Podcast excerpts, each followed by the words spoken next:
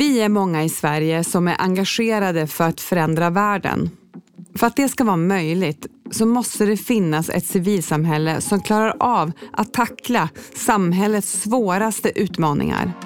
Men det finns ett återkommande problem och det är pengarna.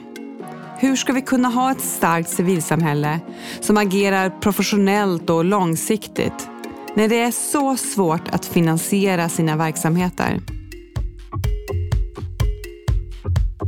Det här är paradoxen. Alla vill ha ett hållbart civilsamhälle, men ingen vill betala. Jag heter Sara Damber och har grundat stiftelsen Friends och jobbar idag bland annat som verksamhetschef på Stenbecks stiftelse. Jag har varit en del av civilsamhället de senaste 30 åren av mitt liv och det har fått mig att undra varför är det så svårt att få pengar? I det här avsnittet ska vi prata om statens finansiering av civilsamhället. Staten är en av ideella sektorns största finansiärer och står för en tredjedel av det totala stödet. Men samtidigt upplever många organisationer att det finns stora problem med hur stödet är utformat. Vi ska göra ett besök hos föreningen Stora Syster. Och senare i avsnittet ska jag träffa två politiker från kulturutskottet i riksdagen. Först Azadeh Rojan från Socialdemokraterna och sen Kristina Axén Olin från Moderaterna. Men vi börjar med en organisation som själva beskriver att de har problem med statens finansiering. Nej, men vi kommer till Marie, vår ekonomiadministratör. Hej. Cecilia Böttger Pedersen visar runt oss på sitt kontor i Stadshagen i Stockholm. Här sitter föreningens stora syster, där Cecilia är generalsekreterare. I våra samtalsrum så har vi två små fåtöljer, ett litet bord. Vi har näsdukar här på bordet om det är någon som eh, behöver det, om man blir ledsen. Och vi ska snart prata om hur de ser på sin finansiering. Men först behöver vi höra lite om vad föreningen gör. Stora syster träffar varje dag kvinnor och tjejer som har erfarenhet av sexuellt våld och trauman. På kansliet jobbar flera anställda med att hålla samtal med våldsutsatta personer. Och Malin är en av dem som jobbar där. Jag själv är terapeut, jag har en KBT-utbildning, sen har vi en psykolog också och sen har vi kuratorer som jobbar. Ja, socionomer har vi några stycken, men också en psykolog. Då. Men de har också volontärer som är ideellt aktiva, till exempel i projektet Online Syster. Där kan stödsökande få en mer långvarig kontakt och både chatta, mejla och ha videosamtal. Och här är våra volontärsamordnare, men det är bara en på plats. Vi är ju definitivt en röst för utsatta eh, som vi försöker föra fram i alla eh, sammanhang där vi kan. Men vi ser ju verkligen i vår stödverksamhet att vi gör skillnad. En sak som Cecilia upplever att de har problem med, det är hur svårt det är att få stabil finansiering. Föreningens ekonomi bygger bland annat på pengar från Socialstyrelsen och Jämställdhetsmyndigheten. Cecilia lägger ner stor del av sin tid åt att hitta pengar från olika håll. I mig finns det en väldig frustration kring det här. Min tid skulle kunna användas till så många andra saker än att ständigt söka och rapportera en massa kortsiktiga bidrag. För Stora Syster skulle det vara bättre om det statliga stödet kunde vara mer långsiktigt. Statsbidraget till kvinno och tjejjourer som uppfanns 2015 har gett lite stabilitet för Stora Syster. Nu rivs det upp för nu ska vårt statsbidrag slås ihop med tre andra bidrag, vilket gör att vi vet inte när vi kommer få söka det, vi vet inte när vi kommer få besked om det. Så att jag tror att nu vid årsskiftet 2022-2023 så kommer vi igen ha en sån situation eh, där vi inte vet när vi går in i 2023 vilken personal och vilken verksamhet vi kommer kunna ha. Det gör det svårt, både för rekryteringen och arbetsmiljön. Vi har ju svårt att attrahera och också behålla kompetent personal när vi bara kan erbjuda korta anställningar. Vi har ju alltid en förhoppning om att tjänster ska kunna förlängas men i och med att bidragen ofta är på ett år så kan vi väldigt sällan lova det. Eh, och i slutändan så går ju det här ut över de personer som kommer till oss för att få hjälp och stöd. Terapeuten Malin förklarar varför det är viktigt att stödet är professionellt vid bemötandet av de som varit med om sexuellt våld. Att få möta någon som kan sexuellt våld, har jobbat med det men också såklart har en utbildning i ryggen med de metoder som, som också så är evidensbaserade och så vidare. Att det finns en trygghet i det. I början av året planerar Cecilia vilka tjänster som Stora Syster kan erbjuda. Och då utgår hon förstås från hur mycket pengar regeringen har utlovat till kvinno och tjejjourerna för just det året. 2022 sa regeringen att de skulle ge 150 miljoner kronor. Och sen när, när eh, bidragsbeskedet kommer en bit in på innevarande verksamhetsår eh, så har det tydligen ändå bara gått ut 100 miljoner. Vilket då för vår del innebär att jag har en tjänst nu som vi inte har finansiering för i år. Det Stora Syster pekar på är en del av ett större system. Flera organisationer upplever att det statliga stödet är spretigt, kortsiktigt och fragmenterat. Det är dessutom uppdelat på många departement, myndigheter och olika personer. Det blir som civilsamhällets onda cirkel. Statligt stöd delas ut, projekt startas och pengarna försvinner. Organisationen får stöd och anställer Stödet försvinner och de tvingas sparka medarbetare. Hur tänker egentligen staten när de delar ut stöd? Och vad är rimligt? Men att det är svårt att få pengar till en grundverksamhet och till linjeverksamhet och liksom ett, ett verksamhetsbidrag. Det kan vi konstatera att så är det för väldigt, väldigt många civilsamhällesorganisationer. Det här är Karin Neuhaus. Hon jobbar på NOD, som skapar dialog mellan staten och civilsamhället. Vi är ett partsgemensamt organ som då förkortas NOD som är nationellt organ för dialog och samråd mellan regeringen och det civila samhället. Så liksom, det är världens längsta namn som har en bra förkortning ändå. för att det både beskriver, ja men det är både lite catchy men det beskriver också vad vi gör. Vi försöker vara en nod för, för samverkan. Karin känner igen det som Cecilia beskriver. Många organisationer säger också att de måste anpassa sin verksamhet efter vad staten vill. Det är svårt för civilsamhällesaktörer, det vet vi, för att det är väldigt många som beskriver att de, handlar, de hamnar i en projektfälla. Eh, de hamnar i att söka kanske bidrag för projekt som de egentligen inte hade tänkt sig att jobba med, men det är det sättet då får de på något sätt skruva sin verksamhet så att det passar in bättre i projektbeskrivningen. Å andra sidan så kan jag också förstå liksom det andra perspektivet, offentlig, alltså skattepengar eller offentliga medel ska ju gå till det som vi gemensamt har bestämt och beslutat. Staten står för cirka en tredjedel av civilsamhällets finansiering. De här pengarna ska stötta civilsamhällets viktiga samhällsuppdrag. Samtidigt så upplever flera organisationer att det statliga stödet är svårt att överblicka. Det är klurigt att urskilja någon slags samlad analys eller strategi för hur eller till vem stödet ska betalas ut det behöver ju vara förutsägbart och tydligt hur man gör för att söka pengar ifrån till exempel en myndighet eller en kommun eller vad det nu kan vara. Eh, eh och, eller en nämnd. Men man behöver förstå. Vem kan söka? När kan man söka? På vilket sätt? Vad behöver vara uppfyllt? Vilka kriterier gäller? Så att informationen behöver vara tillgänglig och liksom demokratisk och lik för alla. För Karin är det just en demokratifråga. Alltså jag tänker någonstans har vi i Sverige bestämt oss för att ett fritt civilsamhälle är en bärande del i ett demokratiskt samhälle. Liksom det finns ju någonstans från regeringen eller från staten så finns det ju liksom en intention att det ska vara enkelt att ha föreningar och driva ja, folkbildning och organisera sig och ha föreningar. Det ska, det ska finnas här, det ska vara enkelt och det ska vara tillgängligt. Och då är ju det viktigt att det genomsyrar alla myndigheters verksamhet. Men det finns faktiskt andra sätt för myndigheter att fördela pengar. Jag heter Judith Wefer. Vi är hos Vinnova som är Sveriges innovationsmyndighet. Där jobbar Judith Wefer Vinnova har ett unikt sätt att lösa problem tillsammans med civilsamhället. De börjar i skolvärlden. Vi vet att en av de viktigaste förebyggande insatserna man kan göra för ett barns förutsättningar i livet det är att ge dem goda förutsättningar att klara skolan. Och först sätter de ett järvt mål. Alla barn ska klara skolan.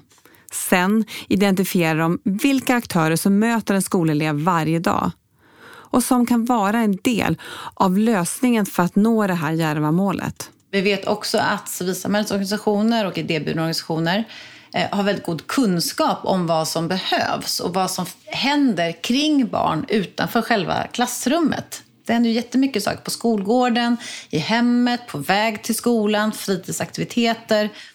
Vinnova jobbar tillsammans med 13 organisationer för att lösa just den här skolutmaningen. Till exempel Rädda Barnen, Friends, Idrott utan gränser som möter barn utanför själva eh, klassrummet men som då tillsammans kan eh, hjälpa till för att förbättra förutsättningarna.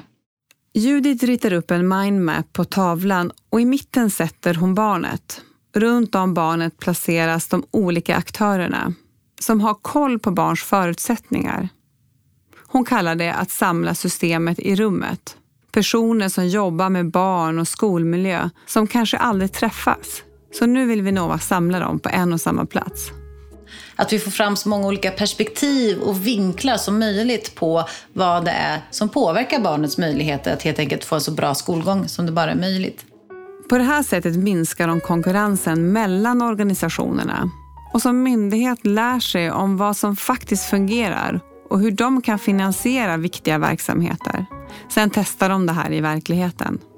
Eh, gå ut i systemet, testa den här lösningen och se vad händer då? Får vi de effekter som vi vill? Och rör det på sig någon annan del som vi också måste uppmärksamma och göra någonting åt?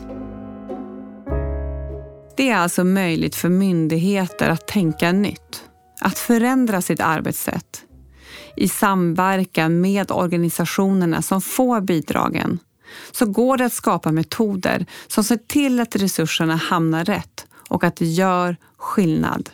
Karin Neuhaus på NOD är hoppfull. Hon tror att det kommer bli bättre och enklare med finansieringen till civilsamhället. Kanske faktiskt sedan 2015 och det stora flyktingmottagandet så tycker jag och vi på Nord har sett att fler och fler myndigheter får i sina uppdrag ni ska samverka mer med civilsamhället. Och jag tänker att den utvecklingen kommer med större kunskap. Och det kräver att man strukturerar sin samverkan och att det kräver att man också är, från båda aktörer med på att det här är kanske lite nytt för oss med en väldigt tydlig och liksom en utökad samverkan mellan civila samhället och staten till exempel.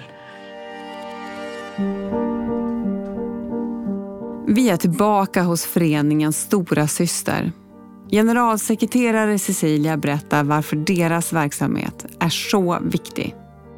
Jag eh, läste ett citat från en stödsökande häromdagen som eh, hon säger någonting så, ni räddar liv som ingen annan kanske ens vet är i fara.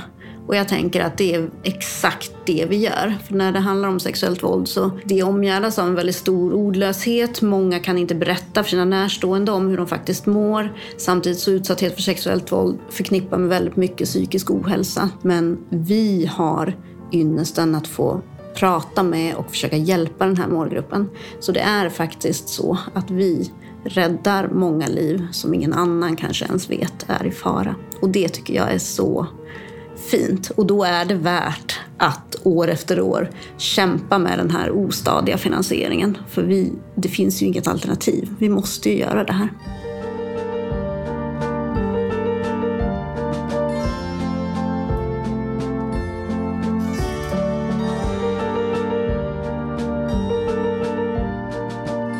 Jag har träffat två politiker från kulturutskottet, alltså de som är ansvariga för civilsamhällsfrågor i riksdagen. Låt oss börja med att lyssna på samtalet som jag hade med Asade Royan från Socialdemokraterna. Med oss i studion har vi Asade Royan. Varmt välkommen. Tack så mycket. Kan inte du börja med att berätta vem du är och vad du gör? Jag är riksdagsledamot för Socialdemokraterna och sitter i kulturutskottet sedan 2014 och jag har eh, sedan dess också haft ansvar för politik för civilsamhället och det har jag även nu, vilket jag är väldigt glad över. Bra. Du, vi har precis hört ett avsnitt om hur organisationen Stora Syster kämpar med att försöka få ihop sin finansiering. Vad, vad, vad tänkte du när du hörde det? Jag tänkte, det här får man höra ofta. Det är verkligen så att eh, i mötet med eh, civilsamhällets olika organisationer, oavsett vilken verksamhet man bedriver, så är det här en återkommande fråga. Eh, och verkligen just den här frustrationen över att inte kunna ägna sig åt det som verksamheten verkligen syftar till, utan den här oron och eh, behovet av att he, oron inför och behovet över att hela tiden eh, söka finansiering och säkerställa att finansieringen finns. Hur tänker du liksom, utifrån din roll och ditt engagemang? Hur skulle vi kunna göra det här annorlunda? Och vad gör vi med den här otroliga liksom, projektfixeringen som finns? Den har ju blivit så djup, alltså den, den, den har ju verkligen satt sig, den här projekt projekthetsen eller projektfinansieringen. Eh, och jag tycker att vi har börjat ta vissa steg ifrån den, men jag skulle absolut inte säga att vi är klara.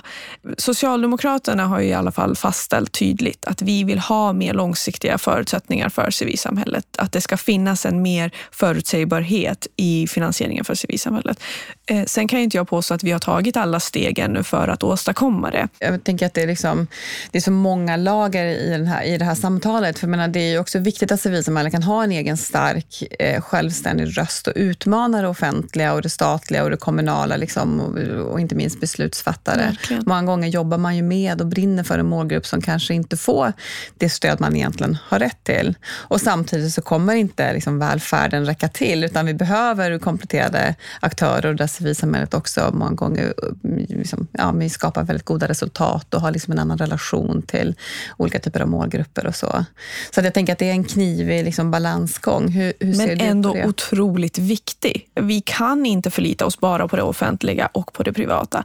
Eh, historien, alltså om vi bara tittar på svensk historia, så har det ju verkligen Eh, visat på att civilsamhällets roll i samhällsutvecklingen i att hitta innovativa lösningar på samhällsproblem har varit avgörande för att vi ska vara där vi är idag. Mm. Stor del av vår välfärdssystem som vi idag tar för givet kommer ju faktiskt från innovationer från civilsamhället i grunden. Och det har vi glömt bort. Vi har glömt bort vilka fantastiska, eh, vilka fantastiska lösningar som civilsamhället faktiskt kan eh, erbjuda de olika samhällsproblemen som vi har. Ja, men då blir det också lite motsägelsefullt på något sätt att vi också i civilsamhället blir så beroende av de här kortsiktiga lösningarna. Och många gånger när det, liksom det statliga stödet kanske kommer till oss för att det görs liksom en politisk satsning eller någonting, så har vi kort tid på oss att göra av med pengarna.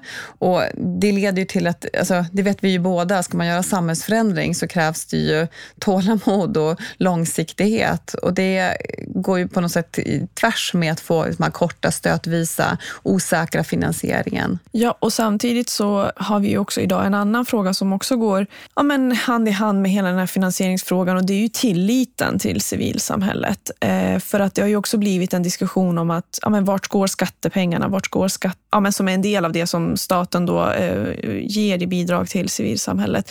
Eh, och den tillitsfrågan har ju också gjort att finansieringsfrågan därmed också blir mycket svårare att eh, reda ut. För då vill man först reda ut ja, men hur, hur, hur kan vi lita på att pengarna går rätt och inte missbrukas. Mm. Och, då, och så länge det inte är utrett då, kanske red, då, då reder man inte heller ut finansieringsfrågan. Nej. Och det skulle jag nog säga att det, det är vi nog alla skyldiga till. tänker att det har ju varit diskussion, inte minst i de här samverkansinitiativen, liksom, att det borde finnas en minister för just civilsamhället. Hur, hur ser ni på det? Jag, jag tror att alltså, just sådana lösningar är oftast mer kosmetiska.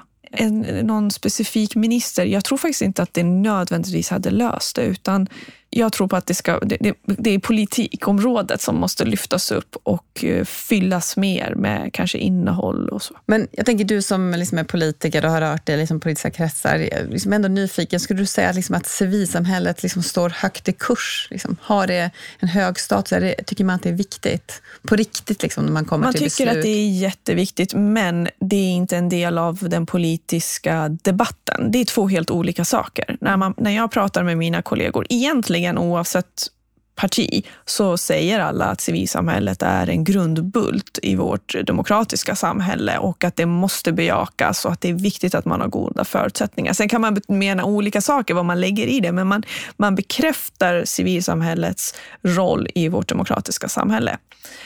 Men däremot när det kommer till att göra eh, politiska prioriteringar, där blir det andra frågor som, som då tar plats. Eh, vilket kanske egentligen inte är jättekonstigt för att vi har en del utmaningar i samhället idag.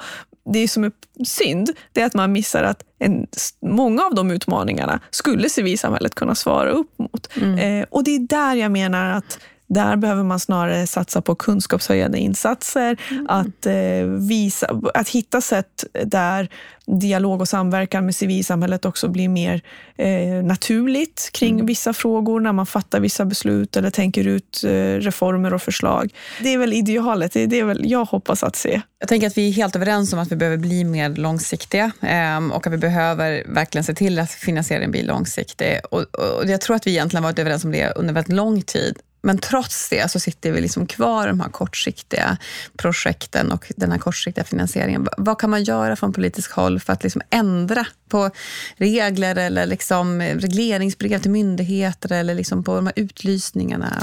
Jag tror att det handlar om ett tankesätt. Jag tror att det handlar om att det här har satt sig. Att det är så här eh, att när, när vi finansierar civilsamhället så finansierar vi genom projektfinansiering. Så jag tror att det är kulturförändring som behöver komma till. Eh, och det tror jag är också i alla led. Eh, på kommunnivå, regionnivå och nationellt. Och jag måste säga att jag tycker att det är också en lite tråkig utveckling att se att färre kommuner, färre regioner eh, finansierar eh, civilsamhället på olika sätt. Det är, sällan, det, det, är man, det är färre och färre som ingår olika samverkan och det finns också eh, mycket som tyder på att det finns en sämre dialog eh, också på de nivåerna med civilsamhället. Så jag tror att det, det är både en kulturförändring, ökad samverkan på kommunal, regional nivå, eh, fortsatt eh, utvecklas dialog på nationell nivå eh, för att man också ska förstå varandra bättre och få mer kunskap om hur just de här kortsiktiga lång, eh, finansieringarna slår eh, och hur man skulle kunna få ut bättre nytta av civilsamhället och det som kanske kommun, region, nationellt efterfrågar från civilsamhället om finansieringen också var långsiktig. Tack så mycket. Tack för att du kom hit. Tack för att jag fick komma. Efter samtalet med Asade så åkte jag iväg till riksdagen för att träffa en moderat. Och det är Kristina Axén Olin. Och hon sitter också i kulturutskottet. Så, då får jag välkomna Kristina Axén Olin. Varmt välkommen. Tack så mycket. Kan inte du börja med att berätta vem du är och vad du gör just nu? Oj, en kortversion. Ja, en, kort, en kortversion. ja, idag är jag eh, Moderaternas talesperson här i riksdagen i kultur och idrottsfrågor sitter då i kulturutskottet nu sedan ett par månader tillbaka. Då är du ju väl bekant med just att civilsamhället generellt ofta upplever att det här med sin finansiering är väldigt splittrad och att finansieringsstrukturerna bidrar till att man blir projektberoende och att det blir kortsiktigt och osäkert och att det är svårt att driva långsiktig systemisk liksom, samhällsförändring. Absolut. Och vad är din liksom, bild och erfarenhet av det här? Hur ser du på det? Nej, jag har ju liksom varit engagerad själv i civilsamhället i många olika föreningar under årens lopp. Och jag, jag känner verkligen verkligheten från, från, de sidan, från den sidan också. Och det där är ju en verklighet som jag vet är ursvår. Och samtidigt också väldigt svår att göra någonting åt. Därför att i detta hus så är det ettårsbudgetar. Mm. i riksdagen. Mm. Och jag vet att vi är många som har fört diskussioner och sagt att vi måste försöka hitta de här långsiktigare lösningarna inte minst just för ideella sektorn och civilsamhället, eh, där det är nog tufft ändå. Mm. Men det är trögt att förändra, tyvärr, liksom beslutsprocesserna i riksdag och regering. Men vi kämpar. Ja. Asade i samtal som vi hade med henne, hon pratade om kom tillbaka tycker jag till det här med att vi skulle behöva jobba med så kunskapshöjande insatser och liksom någon slags kulturförändring på både kommunal, och regional och nationell nivå. Att det finns kanske en gammal syn på hur civilsamhället var för 10 20-30 år sedan och vad civilsamhället egentligen är idag och vilken roll det har idag. Och att eh, mycket av våra eh, strukturer på något sätt är anpassade till kanske lite hur det var förr. Hur, hur tänker du kring det? Nej, men så är det nog. Man behöver nog eh, som höja kunskapen åt båda håll. Eh, jag kan ju också se att just civilsamhället har ändrats. Eh, och att kunskapen hos myndigheter och kanske politiken är inte tillräckligt stor. Även om många ska säga, politiker faktiskt har en bakgrund i civilsamhället. För det som väl förenar oss är att vi är engagerade i samhällsfrågor. Mm. Så jag skulle säga att ja, de allra flesta politiker har, ett, har en bakgrund i civilsamhället. Men åt andra hållet behövs det också kunskap. Alltså jag ser ju också en stor okunskap i civilsamhället mm. kring politiken och de villkor som finns här. Mm. Eh, så att jag tror tätare kontakter överhuvudtaget och öka kunskapen åt båda håll skulle vara jättebra. Min upplevelse är att många gånger så handlar det om från hand till mun. Man springer liksom på det som är ens enda mål och försöker få eh, ja, hjälpa eller stötta så många som möjligt i sin målgrupp. Men man har inte riktigt personer som kanske kan bevaka vad som sker i det här huset. Eller, och det är ju en brist, absolut. Men det blir på något sätt ja, att man... Det. det är mycket byråkrati i Sverige. Vi är väldigt bra på att skapa administration. Och det är någonting som civilsamhället många gånger påtalar. Att det är oerhört jobbigt med till exempel statliga bidrag eller olika former av projektbidrag. Och det kräver en massa administration och man ska ansöka och det ska vara rätt tider och man ska veta var och så. Mm. Å andra sidan har vi en diskussion liksom åt andra hållet då det ständigt och jämt i media dyker upp eh, olika avarter som har fått bidrag och att staten inte har haft kontroll, eller kommunerna, över vart pengar har gått. Mm. Mm. Så någonstans så måste vi hitta en rimlig eh, tänker jag, situation just för att verkligen uppmuntra civilsamhället och bejaka och underlätta och göra allt vi kan för att stötta engagemang. Mm. Samtidigt som vi inte heller kan släppa kontrollen Nej. och riskera att pengar används på ett väldigt felaktigt sätt. För då, då, då förlorar hela civilsamhället mm. i tilltron och tillit. Vad tycker du? Hur tycker du att det skulle kunna se ut liksom, om du fick bara drömma fritt liksom, utifrån den här diskussionen? Vad tror du man skulle kunna göra som skulle göra, skapa en förändring? Ja, det är ju väldigt många saker som behöver göras. Eh, allt ifrån liksom, attityder, att helt enkelt ta in civilsamhället mycket, mycket mer redan i början just på diskussioner kring problem eller idéer vi har. Det behöver ju inte alltid vara problem, utan det kan ju vara något positivt vi vill göra. och så. Det är en del. Sen är det ju den här delen om just finansieringen. Att hitta långsiktiga lösningar så mycket det bara går. Och som inte kräver en massa administration ifrån civilsamhället. Vi borde hitta olika former av partnerskap. Och en del fanns ju med i den här statliga utredningen. Eh, idéburen välfärd det fanns det mycket bra förslag som vi föreslog att man skulle implementera. Mm. Det handlar om skatte och momslagstiftning eh, också. Eh, för att också göra det mer fördelaktigt för dem att till exempel när, ur näringslivet som har lust att vara med eh, och finansiera olika saker. Så det finns väldigt mycket man tror jag på, ja, på olika nivåer kan förbättra. Under coronapandemin så gav man ju ut statligt stöd till civilsamhället och då var det ju många organisationer som inte hade någon chans eh, egentligen att liksom söka för att man levde inte upp till de kriterier då som var satta. Mm. Och, och, ett exempel på det är ju det här med att man är en stiftelse. Mm. Eh, och det är ju många organisationer idag som väljer att organisera sig så. Mm. Och att det kanske inte heller är bara den här förenings formen med många medlemmar och så som är en framkomlig, är som, som, unga människor. Det är inte så unga människor alltid vill organisera sig längre. Nej. Utan det var väl som mer när jag själv var ung som man ville organisera sig på det sättet. ja. um, och hur tänker du kring det? Det är alltså skattelagstiftning och bidragsregler och så eh, som många gånger då exkluderar de här stiftelserna. Det är ett problem som vi ofta talar om och vill att man ska titta på.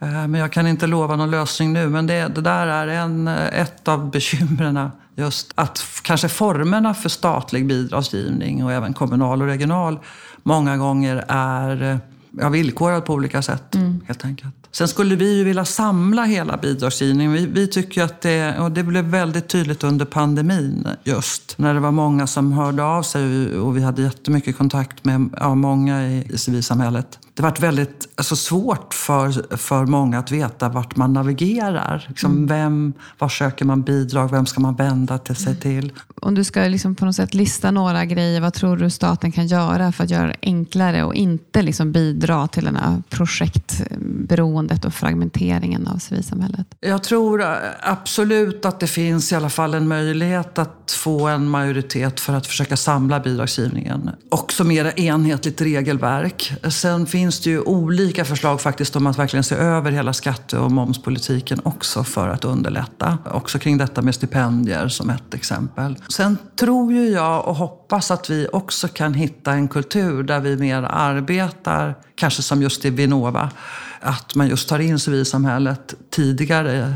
Och det tänker jag också är mycket vårt uppdrag, att vi som civilsamhälle också behöver organisera oss, ja. alliera oss och liksom gemensamt komma eh, med förslag. För att det blir också att det blir, liksom, det blir den här onda cirkeln. Vi är så fragmenterade. Det gör ju också att vi kommer med väldigt många rapporter och olika röster, fast vi egentligen kanske har ett ganska liknande gemensamt mål. Absolut. Jag tror att det finns, det finns en förbättringspotential även i civilsamhället. Mm.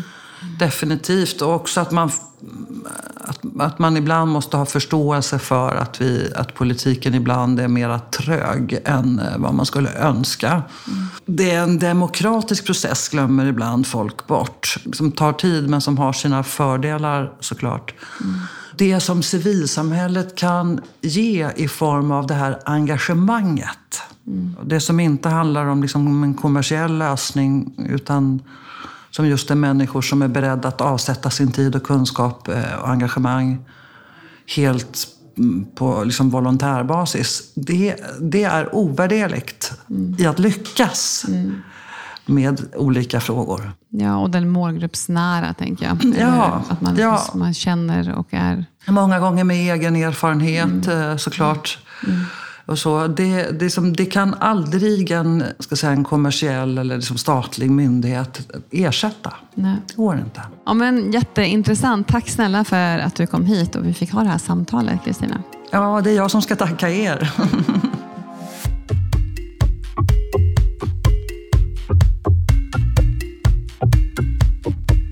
Tack för att du har lyssnat på Paradoxen. Jag heter Sara Damber och det här är en produktion från Stenbecks stiftelse i samarbete med Soundtelling. Producent är Tanvir Mansur.